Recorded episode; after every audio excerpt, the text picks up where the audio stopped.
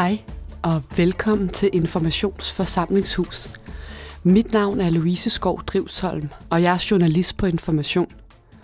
I løbet af den kommende tid, der vil vi løbende udgive samtaler optaget fra Informationsscene på Folkemødet på Bornholm 2023. Den samtale, du skal lytte til nu, den handler om den store mistrivsel blandt børn og unge. Vi kommer blandt andet omkring, hvor bekymrende mistrivselen egentlig er, årsagerne til den, hvilken rolle sociale medier spiller og hvad der skal til for at vende udviklingen. Det er forperson Dea Seiden fra den, fra Dansk Psykologforening, som var næstforperson, da samtalen blev optaget, som giver svarene. Og jeg interviewer hende.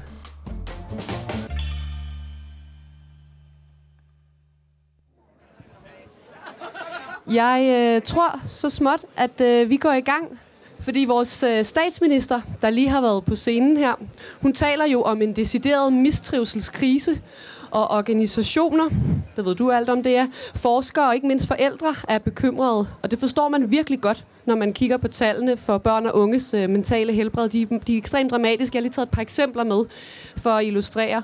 Der kom lige nogle nye tal for... Øh, øh, her i sidste uge, der viste, at over de seneste 10 år er antallet af børn og, af børn og unge med psykiatriske diagnoser steget med 39 procent. Og i 8. klasse er det næsten hver tredje pige og hver 8. dreng, der har lav livstilfredshed. Øhm, og den slags statistikker findes der altså øh, ekstremt mange af. Men spørgsmålet er, om problemet er så slemt, som det bliver gjort, eller om det måske endda er endnu værre, hvad årsagerne er, og så selvfølgelig ikke mindst, hvad løsningerne er. Øhm, alle de ting skal vi nå omkring den næste halve time, så vi får, øh, vi får travlt. Men øh, lad os komme i gang. Du hedder Dea Seidenfarten, og du er næstformand i Dansk Psykologforening. Og jeg hedder Louise Skov Drivsholm, og jeg er journalist på Information, hvor jeg blandt andet skriver om, øh, om sundhed og psykiatrien. Øhm, og det er, hvis vi nu måske starter med præmissen, og, og, og det Mette Frederiksen blandt andet har udråbt som en mistrivselskrise. Altså, ser du mistrivselen blandt børn og unge som en decideret krise? Altså selvfølgelig skal man jo altid passe på, hvad det er for nogle ord, man kobler på de her ting. Det er jo vigtigt at sige, at der er rigtig mange børn og unge i Danmark, der har det godt og som trives, men når vi ser de tal, som du har taget et par stykker med af, så synes jeg, øh, at det er jo væsentligt at undersøge. Er det bare fordi, vi spørger på en ny måde? Er det fordi, vi undersøger tingene anderledes, end vi har gjort før?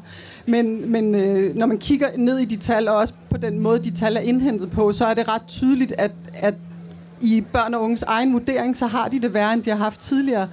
Og det man også kan se, det er jo det, man kunne kalde sådan hjælpsøgende adfærd. Altså hvor folk søger hjælp, fordi de ikke føler, at de kan løse deres egne problemer. Hvor forældre ikke føler, at de kan hjælpe deres børn selv, men opsøger professionel behandling. At de tal er også steget helt ekstremt. Så på den måde kan man sige, at, at det er jo lidt absurd i øh, verdens lykkeligste land. I hvert fald i et land, hvor vi har øh, verdensrekord i tryghed og øh, gode arbejdsvilkår, sådan sammenlignet med andre steder i verden osv., at vi så har nogle generationer, som faktisk ikke har det særlig godt, når man spørger dem selv. Så på den måde synes jeg faktisk godt, det er passende at bruge det her over krise om det. Især fordi, jeg vil sige, når, hvis man kiggede tilbage, sådan, hvis man havde spurgt mig, da jeg var ung, hvordan jeg havde det, så ville jeg jo sige, at jeg havde der også perioder, hvor jeg havde det rigtig dårligt, da jeg var ung.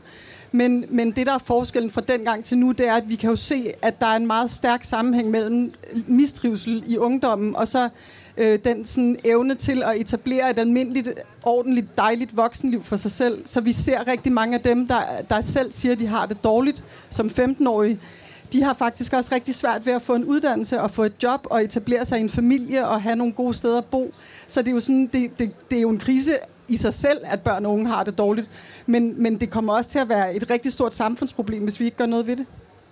Ja, jeg synes, det er meget interessant det her med, at du siger, at vi på en eller anden måde har alle forudsætninger for også at skabe en harmonisk øh, ungdom. Og nu nævner du både, øh, hvor store konsekvenser det her kan få for den enkelte og på samfundsniveau. Men altså, hvad bekymrer dig mest? Jamen, begge dele bekymrer mig. Jeg synes, det, det bliver jo sådan lidt absurd at kæmpe for velstand og vækst og så videre, hvis det er på bekostning af vores øh, helbred og vores mentale helbred. Det er jo sådan på en måde lidt absurd at være virkelig rig, men have det af helvede til. Så, jeg, så på den måde, så synes jeg, at det i sig selv er et problem, men det er jo også et problem for samfundets øh, sådan, sammenhængskraft, hvis vi får nogle generationer ud, som vi ikke har formået at hjælpe ind i, ind i samfundskontrakten, kan man sige. Øhm, og især i en tid, hvor vi ved, at vi også kommer til at mangle arbejdskraft. Og alt det her, alle de kolde tal er jo også skræmmende øh, ved siden af det her absurde i, at mistrivsel i sig selv er et problem. Mm. Og nu nævnte du selv øh, dig selv og i din ungdom, at der har også været perioder, der var svært. Og det er jo også nogle gange det, der, at nogen, bliver, nogle af kritikerne måske i højere grad sådan bliver trukket frem som, øh, som argument. At der er nogen, også blandt politikere, der mener, at det her problem er overdrevet. Det handler også om et overdrevet fokus, og at børn og unge er mere skrøbelige i dag end tidligere. Man snakker om den her snowflake-generation osv. Altså, hvad tænker du om den kritik? Jamen altså helt grundlæggende, så vil jeg sige, at jeg synes, det er et voksenansvar at skabe et samfund, som unge mennesker kan vokse op i og have det godt. Så jeg synes, at det der med at pege på de øh, unge, der mistrives, er, er ret forfejlet. Og jeg er også enig i, at selvfølgelig bliver vi nødt til også at tale med de unge og inkludere de unge i de løsninger rigtig meget, når vi skal finde ud af, hvad vi skal gøre ved det. Men når det så er sagt, så er det et voksenansvar at skabe et samfund, som de børn og unge, vi føder, kan, kan trives i. Øhm, og, jeg, og derfor synes jeg, at den kritik er ret forfejlet. Selvfølgelig har alle et ansvar for at være med til at, at løse det her problem, også selvom de ikke har været medskabere af det. Men at, at skyde skylden på de unge, men hvorfor har I det ikke bare godt? Se alt det, vi gør for jer, så skal I bare have det godt, hvis, de, hvis det ikke hænger sådan sammen. Ja. Og nu nævnte jeg i starten blandt andet det her tal med en, en stigning af, af, i diagnoser på 39 procent på 10 år. Og når man taler med psykiater og psykologer, som du også selv er om det, så handler det jo også om et stigende fokus. Øhm, og nogen har talt om sådan en overdiagnostisering af samfundet, hvor at, jamen, hvis man har det en svært i en periode, så hedder det måske en depression, eller sådan den slags fordomme eksisterer også. Mm. Øhm, altså, hvad er dit syn på... Øh, sådan den eksplosive stigning, kan man vist godt kalde det, i diagnoser. Altså, er det også noget med den, de kasser, vi ligesom har indrettet det her i? Eller, eller hvad, hvad tænker du om det? Jamen, det er jo... Det, det, jeg ved ikke, om det er et svært spørgsmål at svare på, men det er et mangefacetteret spørgsmål at svare på, fordi det, der er vigtigt, er jo at skille tingene lidt ad. Der er jo nogle elementer, når man ser på de tal af antal af diagnoser for eksempel, så handler det også om, at vi ved meget mere om psykisk lidelse, end vi gjorde for 30 år siden. Vi genkender måske hurtigere og bedre øh, nogle af de børn og unge, som er født med udviklingsforstyrrelser, og som vil have svært ved at klare sig i et normalt skolesystem, hvis de ikke får hjælp, for eksempel. Og dem er vi blevet bedre til, og det skal vi også være til at finde ud af. Hvis man er født med den her særlige øh, hjerne, eller det her særlige setup, så, kan man, så ved vi nu, at, at der er nogle ting, der hænger sammen. Der vil være nogle ting, der bliver svære for lige præcis det barn og den ung. Og den stigning i i hjælp og fokus er jo rigtig god. Men jeg tror også, der har været en sådan sproglig glidning, hvor vi, og det er jo blandt andet min egen faggruppe, der også har været med til det, at vi også er blevet sådan lidt forelsket i den her sådan psykolog, psykologiske måde at forstå tingene på, og den, også den psykiatriske, så der er rigtig mange almindelige mennesker, der ikke vidste noget om psykiatri og psykologi for år tilbage, som også bruger de ord. Og det er jo klart, når man så begynder at bruge ord som angst om sin indre uro, så, så, vil, så kommer der også nogle ord frem omkring behandling og sådan noget, som hænger sammen i det der. Øhm, så, det, så det er sådan et både og noget af det er godt, og andet af det, så tror jeg, vi skal passe rigtig meget på med at psykiatrisere noget, som egentlig er et helt almindeligt menneskeligt eksistentielt fænomen, at man kæmper med nogle ting, når man er ung, og måske også når man er voksen, og også når man er barn, men at, vi ikke, at man så ikke skal direkte til psykolog af den grund. Ikke? Ja, så det er på den ene side positivt, at vi er ved at få et sprog for det her, men det er også rigtig vigtigt at forstå forskellen på mm. netop sådan de kliniske diagnoser, og så de ting, der kan gøre ondt kortvarigt mm. i livet. Mm. Ja, jeg synes også, det er meget interessant i den her scene, den diskussion, der har været om sorg, og om hvorvidt det skal være en diagnose. Jeg tænker, mm. det er lidt de samme dilemmaer, det taler ind i. Mm.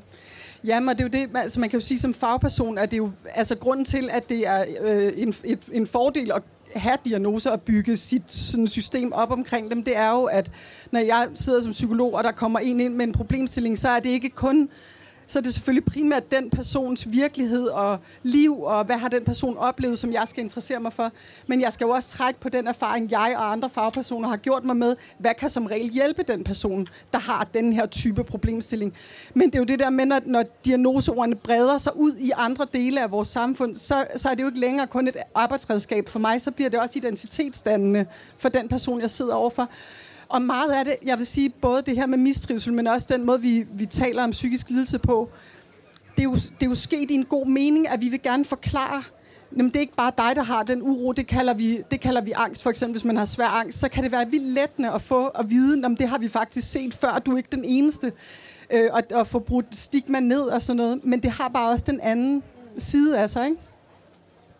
Mm. Ja, altså, og noget af det, øh, der virkelig er omdiskuteret, hvor der også er mange øh, ubesvarede spørgsmål stadig, det er jo øh, i forhold til årsagerne til den her øh, stigende mistrivsel, som jeg tænker, vi skal prøve at komme lidt nærmere. Altså, Mette Frederiksen har jo den seneste tid virkelig sat fokus på skærme som den helt store øh, sønder. Øhm, hvis vi nu starter med, så kan vi, kommer vi selvfølgelig også forbi de mm. famøse skærme, men altså for sådan et øh, mere sådan forskningsvidenstungt, altså alle sådan nogle ting, som vi godt kan lide her på information, altså hvor meget ved man så egentlig med sikkerhed om, hvad den her udvikling, du skitserer, og som jeg også har nogle tal med på om, øh, skyldes? Altså, jeg er jo heldigvis ikke forsker, så jeg er jo sådan mere øh, halvstuderet røver, der kan tage plukke lidt hist og pist. Altså, jeg, vi ved rigtig meget. Og jeg, hvis jeg sammenligner med folkemødet sidste år, så, så er det også sådan, at debatten har sådan, øhm, det har krystalliseret sig lidt. Der er jo forsket rigtig meget i, i sådan noget med skærms indvirkning, noget med diagnoser, noget med skolesystemet, noget med arbejdsmarkedet.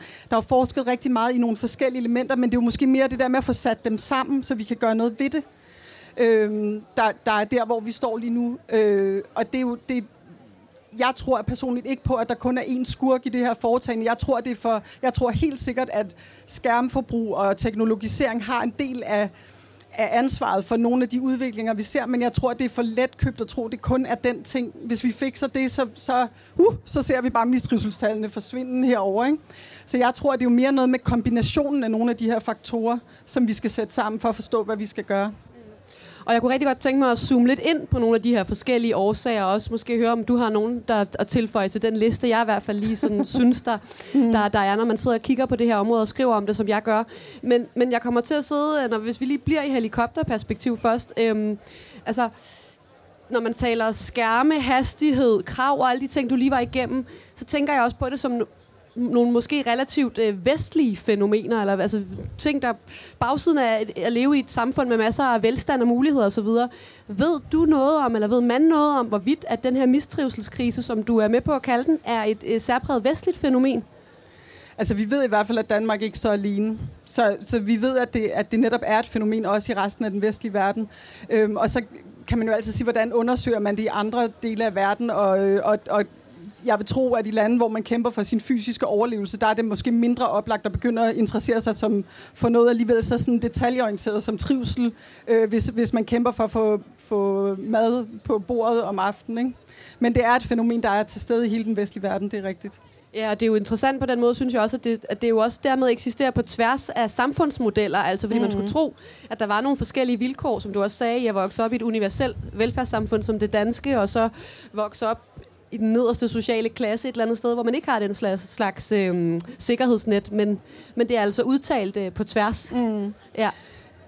ja, og man kan sige, det er rigtigt, det er forskellige samfundsmodeller, men der er jo også nogle ligheder mellem de vestlige samfund, som man godt kan så interessere sig lidt for. Blandt andet det her med noget med tempo og krav og teknologi og så videre. Ikke? Så, så på den måde er der jo samfundsmodeller, der er forskellige, men der er jo også mange ligheder mellem de samfund. Ikke? Og det er nemlig tit mange af de her, det er de samme ord, der går igen. Teknologi, krav, hastighed og sådan. Jeg kunne godt tænke mig, at vi måske sådan dvælede lidt ved de enkelte af dem. Og hvis vi nu starter med de her famøse skærme, og man kan jo ikke snakke om skærme uden også snakke om sociale medier. Altså, hvad er dit syn på deres indtog og øh, dets indvirkning på sådan, den yngre generation? Mm. Jamen, jeg tror, at der er jo ikke nogen tvivl om, at, at teknologisering, og jeg tror ikke, jeg tror det er sådan igen, det er sådan for øhm, det er for stort et overbegreb at, kalde, at, at tale om skærm, fordi skærm er jo mange forskellige ting. Det er jo både gaming, når vi taler om unge, så er der jo rigtig meget forskning i gaming. Der er sociale medier, der er øh, undervisningsmetoder, der er ordblinde hjælp øh, i, i, i teknologi også. Så der er jo både positive og negative ting, men der er jo ikke nogen tvivl om, at at mistrivselen er steget i samtidig med, at, at teknologien sådan har gjort sit indtog på den måde, den har. Og det øh, gør det, at vi skal undersøge det nærmere. Vi ved jo også allerede rigtig meget om øh, børns og unges skærmbrug og den sammenhæng, der er mellem et højt brug af, af sociale medier for eksempel, og, og så mistrivsel. Og den sammenhæng begynder man at sådan med en vis sikkerhed at, at, at kunne se forskningsmæssigt er der. Ikke? Og hvad er det ved de her skærme, og de her medier, der er så dårligt for så mange af, måske især nogle af dem, der er yngre end os, men altså, hvad er det ved det? Jamen, jeg tror, det, jeg tror igen, det er rigtig mange forskellige ting. Altså, hvis man tænker på for 30 år siden til nu, så er der jo ikke nogen områder af vores liv, der ikke er påvirket af teknologien det vil sige, hele vores identitetsdannelse, hele den, dannelsesrejse, vi tager som mennesker, er på en eller anden måde infiltreret i teknologisk udvikling. Der er apps for dit og dat, vi er sammen med vores venner på sociale medier, der er øh, folk, der har store interessefællesskaber omkring nogle forskellige spil med folk, unge fra hele verden osv. Så jeg tror, at det, det er jo et vilkår for at være mennesker, og derfor påvirker det også både trivsel og mistrivsel, den måde, vi bruger skærmene på. Fordi der er jo også nogen, der vil sige, at fællesskaberne forandrer sig. Der er også måske noget sådan tilbageskuende i at mene, at den lykkelige barndom er at sidde over for sine venner, eller spille rundbold, eller hvad man nu ellers finder på. I dag så er det TikTok, og det er online og så videre. Altså, øh, er det ikke måske også lidt forsimplet bare at mene, at det, det, det her det er problematisk? Jeg tror, det er meget forsimplet at mene, det er bare problematisk. Det er den ene ting. Det er, den anden ting er, at jeg tror, det er, jo, det er jo helt urealistisk at rulle den tilbage. Så på en måde bliver vi nødt til at forholde os til, det sådan her, det er og så tage os af de problemer, vi kan se opstå. Vi kan jo se, at der for eksempel er stor forskel på det, man kalder aktivt og passivt skærmbrug. Der er stort forskel på, øh, om man, om man bruger, hvis man for eksempel, jeg læste en, en kronik af en far, som har, havde et barn med, en, med et øh, fysisk handicap, og som sagde, at det, det barn havde jo de bedste relationer gennem sit spil, øh, spilleliv, fordi der blev han ikke hele tiden set på som en, der sad i kørestolen, men som en, der var ligeværdig med de andre. Og der er jo masser af gode eksempler på, hvor, hvor det styrker det sociale børn, der bor langt ude på landet, eller bor i udlandet med deres familie, og kan holde kontakt til vennerne. Og så er der det der passive skærmbrug med, med, med tech-giganternes øh, dejlige indtjeningsmodeller, ikke? Så er der jo det med, hvad børn og unge bliver præsenteret for på nettet. Altså, det er utrolig mange forskellige ting. Og det, jeg tror bare, det er rigtig vigtigt ikke at sætte sig op og sige, skærm er dårligt eller skærm er godt, men gå længere ned og prøve at forholde os til det, ligesom vi har gjort med alle mulige andre ting. Dengang øh, man byggede huse med asbest, der gjorde man det jo heller ikke med vilje for at slå folk ihjel. Det var jo først senere, at det gryde, om der er en eller anden brik i det her, der er dårligt. De andre byggematerialer slår ikke folk ihjel. Altså det, så det, det er måske en lidt dårlig analogi, men det er bare for at sige, at vi skal jo blive klogere på den måde. Vi skal mm. hedde asbesten ud af skærmene. Præcis. ja. øhm, og apropos skærme, altså så snakker man jo også meget om sociale medier og den perfekthedskultur, det ligesom fører med. Og vi lever jo generelt i et samfund, det er i hvert fald den analyse, man hører igen og igen, med stigende kravtal fra uddannelse til udseende, med, med øget tempo i, der har været fremdriftsreformer og sådan noget, vi skal orientere os mange steder osv. osv. Altså, det her hastigheds perfekthedssamfund, som, som, øh, ja, som tit bliver analysen. Jeg kunne måske godt først tænke mig at høre, et, er du enig i den analyse, eller er den også måske lidt overfladisk, og to, spiller det en rolle i forhold til den her mistrivselskrise? Altså hvis vi tager det med sociale medier først, så tror jeg så, at det er jo et kæmpe skift, at hvor man den det er jo ikke min historie, men den, der man jo tit sammenligner det med, det var jo i gamle dage, der kunne man sammenligne sig med den i landsbyen, som havde nogenlunde samme alder og klasse måske, som man selv havde, og nu kan man sammenligne sig med alle i hele verden, der har den alder og, og de interesser, man selv har. Det, det gør jo selvfølgelig, giver jo selvfølgelig et helt andet pres på også unge, der er ved at finde ud af, hvem de selv er, og hvordan de skal leve i den her verden, hvis man hele tiden kan sammenligne sig med nogen, der er smukkere og rigere, og i øvrigt øh, fi, øh, filtre på alle mulige ting, så man ikke kan se, hvordan, altså, at det hele er et redigeret liv. Og det ved vi jo, altså som psykologer, det har jo en kæmpe betydning for ens trivsel. Vi sammenligner os jo enormt meget med hinanden hele tiden, på godt og ondt, når man skal udvikle sig selv. Ikke? Så, så den del af det, tror jeg ikke, der er nogen tvivl om, har en påvirkning af, af de unges trivsel når man kigger øh, bredere set og lidt væk fra skærmen, måske hvis det er okay, altså, så tror jeg, at nogle af de der, noget af det der med krav og pres, det, det er jo også noget, der er sket andre steder end på skærmen. Det er jo også noget, der er sket i vores uddannelsessystem og på vores arbejdsmarked, øh, som bestemt også har en betydning.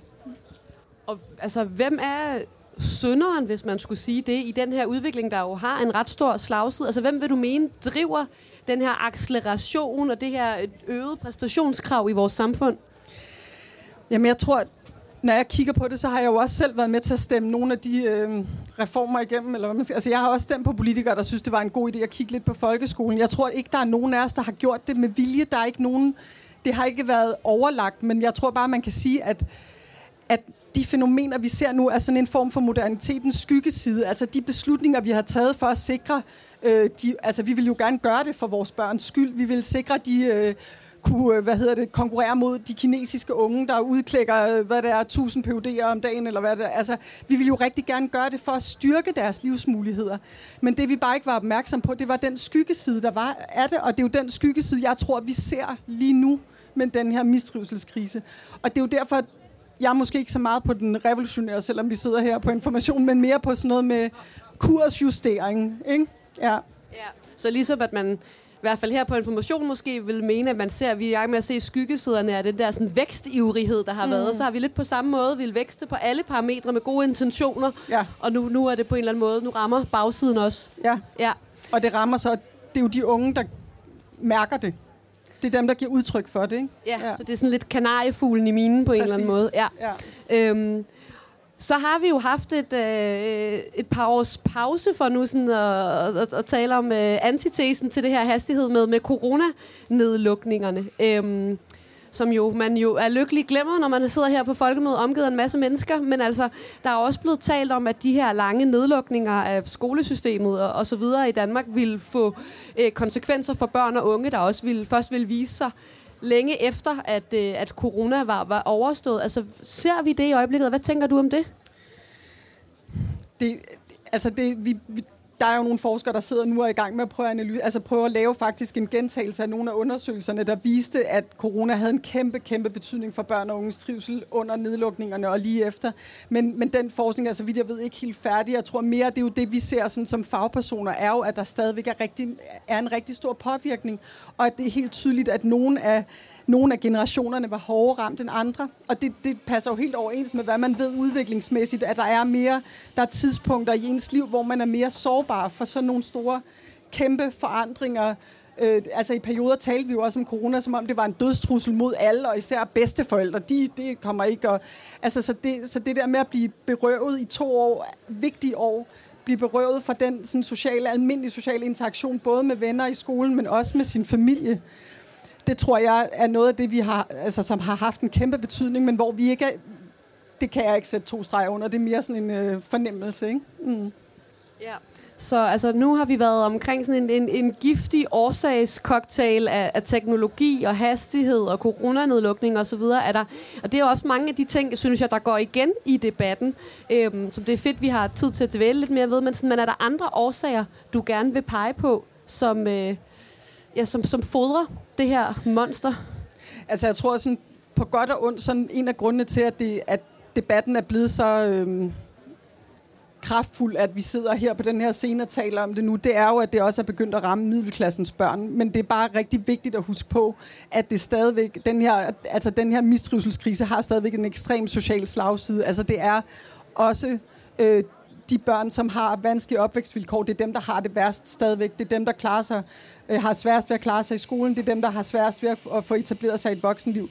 Så når vi øger uligheden i samfundet, så øger vi også mængden af unge, der har det svært. Og det er bare det er ret vigtigt at holde det sådan for øje, at det ikke, øh, at vi ikke kun sådan koncentrerer os igen om de børn, der i virkeligheden måske har bedst mulighed for at klare sig i sådan iver efter at løse det. Ikke? Så vi skal kigge på selvfølgelig, at vi skal øh, sikre, øh, at så mange børn og unge, øh, også fra måske socialt udfordrede hjem, har, kan få et godt liv. Det er vigtigt. Den anden ting er faktisk at gå lidt tilbage til det med uddannelsessystemet, fordi jeg tror, at når jeg kigger på tilbage på de sidste øh, 100 år for eksempel, så er, er, er uddannelsesniveauet i befolkningen steget, sundhedstilstanden er også steget øh, sideløbende, og jeg tror, at vi har jo alle sammen måske fået sådan en oplevelse af, at vi kunne uddanne os til trivsel og velstand, og jo mere, jo bedre, og det vil bare fortsætte for evigt. Hvis vi alle sammen fik en PhD, så vil alle, så vil der ikke være nogen, der havde det dårligt. Og måske er noget af det, vi ser her, altså det er lidt karikeret, men det er jo fordi, man har kunne se, at man ved jo, at dem med de længste uddannelser er også dem, der har de sundeste, både fysisk og psykisk sundeste liv, ikke? hvis man kigger fra den vinkel. Men, men måske er vi nået sådan lidt en øh, uh, ceiling-effekt på det der. Altså måske er det sådan, at de krav og det tempo, vi har lavet i uddannelsessystemet, faktisk er blevet til en af skurkene på det her område, fordi op igennem sidste århundrede, der steg sundhedstilstanden. Vi fik udryddet mange af disse børnesygdomme, vi fik bedre kost osv., og, og det gjorde, at vi blev sundere sådan generelt set, og også sundere, altså, øh, og mere evnen, altså have en bedre sådan, kapacitet til os at uddanne os, og vi uddannede os rigtig meget. Men det vi kan se nu, det er jo, at vi har fået skruet kravene så meget op i uddannelsessystemet, at det måske også begynder at blive det, noget af det, der bliver problemet, fordi vi bliver ikke længere bare klogere og klogere, sundere og sundere. Det har jo sådan lidt fundet et leje. Men kraven i uddannelsessystemet er bare stedet blevet ved med at stige. Og det tror jeg personligt også er et af de fænomener, vi skal være opmærksom på her. Virkelig interessant. Øhm, noget andet, der jo har været øhm, lidt usynligt i mange år, det har været den, den nødlidende psykiatri, altså vores nødlidende psykiatriske system, øhm, som SVM-regeringen jo øh, toppede øh, S-regeringens... Øh, ja. øh, hvad hedder det, de penge, der blev afsat til den her 10-årsplan. Men det er altså også blevet kritiseret, at der ikke er sket mere. Området var ikke en del af den nylige akutplan på 5 milliarder til sundhedsvæsenet, som blandt andet øh, gik øh, en stor del af det til kraftområdet. Øhm, og der har jo hele tiden været en kritik, at det går ikke hurtigt nok, har akutte problemer, og fint nok med fokus og langsigtet osv. Men altså, kan, kan altså måske først, er du enig i kritikken af, også i det her perspektiv med mistrivselen, at, at det går for langsomt med, med at løfte øh, det system, der skal hjælpe nogle af dem, der har det sværest? Øh, ja.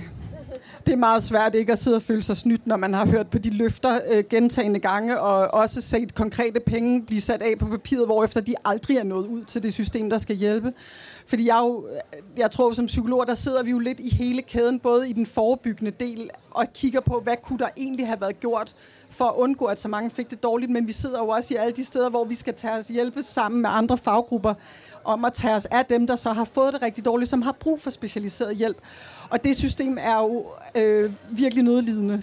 Og, og det, er bare, det er jo lidt mærkeligt, at der lige pludselig så øh, er sådan en doorstep. Nu handler det om nogle andre. Det er ikke for at sige, at sygdommene skal konkurrere mod hinanden, men det er ret tydeligt, hvilke øh, sådan situationer, hvilke typer øh, lidelser, der altid taber.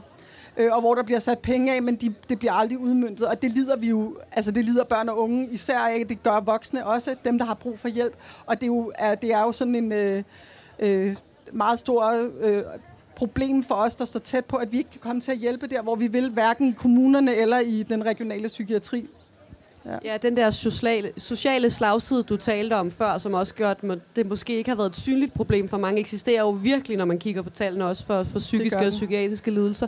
Ja, så, så du vil altså også mene, at noget af det her mistrivselsproblem, vi taler om, vil kunne løses inden for et, et højere prioriteret psykiatrisk og psykologisk system? Altså jeg mener, jeg mener at, det, at det er vigtigt at tale om det sådan lidt øh, adskilt, fordi mistrivsel er ikke det samme som psykisk lidelse, og det, det jeg egentlig er fortaler for, det er, at vi prøver at stoppe ulykken, så vi sikrer, at så mange som muligt unge er i trivsel, at så mange som muligt unge ikke udvikler psykiske lidelser, men vi kan ikke forebygge alt, og derfor skal vi jo have et hjælpesystem, der er effektivt, og som kan som, hvor der er nogle fagpersoner, der har tid til at finde ud af, hvad er hvad, hvad går over af sig selv, hvis det får ro og gode fagpersoner i skoler og daginstitutioner osv., og hvad skal have mere specialiseret behandling. Og når den kæde ikke hænger sammen, eller der er for mange svage i den kæde, så, så svigter vi jo både dem, der egentlig ikke behøvede være i mistrivsel, hvis de ikke blev tror jeg, presset alt for meget. Og vi svigter også dem, som har brug for, og som i et sammen, det ved vi jo, der er jo psykisk lidelse i alle samfund. Og vi skal jo have et hjælpesystem, der kan hjælpe så godt som muligt, så værdigt som muligt, så hurtigt som muligt, så problemerne ikke vokser så større. Og hvis vi nu her med ikke så mange minutter igen, hvis jeg så lige, vi har været en lille smule omkring løsninger, men hvis jeg nu det er her sådan til sidst lige beder dig om at løse ja. mistrivselskrisen. Mm. altså, øhm, hvad mener du så, at vi skal gøre for at vende den udvikling, vi nu har talt ret grundigt omkring? Jamen, jeg tror, jeg er jo sådan set også rigtig enig i nogle af de andre analyser. Nu har vi jo ikke talt om det her med, med hvad hedder det, individualisering og psykologisering og tempo, som, som jeg faktisk også deler de analyser, at det er jo også nogle af de der skyggesider. Men man må bare sige, der findes altså ikke sådan en stor tempoknap, vi bare kan skrue på. Der findes ikke en, en afindividualiseringsknap, vi kan skrue på, så derfor bliver vi jo nødt til at prøve at sætte analyserne lidt sammen og finde ud af, så, hvordan kan man påvirke hvis det er rigtigt, at noget af den mistrivsel, vi ser hos nogle af de unge, det er belastningsreaktioner, fordi de bliver overbelastet af, af måske deres eget brug af sociale medier, måske af skolesystemet og så videre, så er det jo de knapper, vi skal ind og skrue på. Og jeg tror, nu har lige været en anden debat, hvor, hvor vi så alle sammen sad og sagde, der skal flere penge herover, herover, herover, herover. Og det er jo ikke, det kan jeg jo godt, altså det er med på, det er ikke realistisk. Øhm, så jeg tror faktisk også, det er noget med, at vi bliver nødt til også at have nogle snakker om, hvad det er, vi skal holde op med at gøre hvad det er, vi skal prioritere. Hvad, hvad er det for nogle... Øh, hvad er det for et niveau, vi skal uddanne vores unge på? Hvor hurtigt skal det gå? Hvor få sabbatår må de få? Hvor meget? Altså, alt, hvad der kan give måske lidt mere rum også til fagpersonerne derude til faktisk at kunne, kunne lade noget af det her mistrivsel løse sig selv. Det tror jeg rigtig meget af det vil gøre, hvis der ikke var så meget pres også på de voksne, der skal tage sig af børnene og de unge. Ikke? Og så er det jo det her med at få hjælpesystemet til at fungere. Og det, det vil jeg sige, det er jo også, det, vi ved godt, hvad vi skal gøre. Og det er jo det, der nogle gange er vildt ekstremt provokerende, provokerende og frustrerende, når man sidder i min stol, at politikerne bliver ved med at sige, at det er også meget komplekst, og vi ved ikke Vi ved godt, hvad der skal til. Vi ved godt, hvad der er risikofaktorer og beskyttelsesfaktorer for børn og unges trivsel. Og vi ved godt, hvad der skal. Vi ved en masse om, hvordan vi kan behandle det, når det er gået galt. Men sådan som det er nu, får vi ikke lov til at lade den viden sive ind i systemet. Og det handler ikke kun om at sende flere penge. Det handler, handler også om at tage nogle, nogle beslutninger omkring det her med vækst og velstand og trivsel. Hvad vil vi egentlig med vores samfund, ikke? Altså, vi er på nogle punkter sådan op på den helt store klinge, ja. faktisk. Ja. ja. Og ved du hvad, mit aller sidste spørgsmål, det er, fordi det er jo ikke det mest øh, optimistiske emne oh. at sidde og, og snakke om. Men jeg, det kunne jeg godt nemlig tænke mig at høre. Altså, tror du på, at det er muligt at vende den her udvikling? Jamen for, for mig er jeg med på, at det er meget sådan, nu er det meget problemorienteret snak, vi har, men det er jo også ligesom for sådan, hvad er problemet, ikke? Men det, men det der sådan, jeg tror sagtens faktisk, at vi kan rette skuden lidt op, men det kræver jo, at vi tør tage nogle af de her lidt mere svære snakke med hinanden. Og jeg, for mig ligger der en masse håb i at gå fra kun at være sådan, kan vide, hvad det er for et fænomen. Er det bare, fordi vi måler det anderledes? Nej, det er det ikke. Der er et problem. Men hvis vi, hvis vi sammen beslutter os for, at vi gerne vil gøre noget ved det, så kan vi også godt gøre noget ved det. Ja. Det synes jeg faktisk var et rigtig fint sted at slutte. tusind tak, fordi du kom, og tusind tak, fordi I lyttede med. Og det var så samtalen om børn og unges mistrivsel. Du kan finde flere samtaler fra Information på Folkemødet 2023 på podcastkanalen Informationsforsamlingshus, som du kan finde der, hvor du normalt lytter til podcasts. Tak fordi du lyttede med.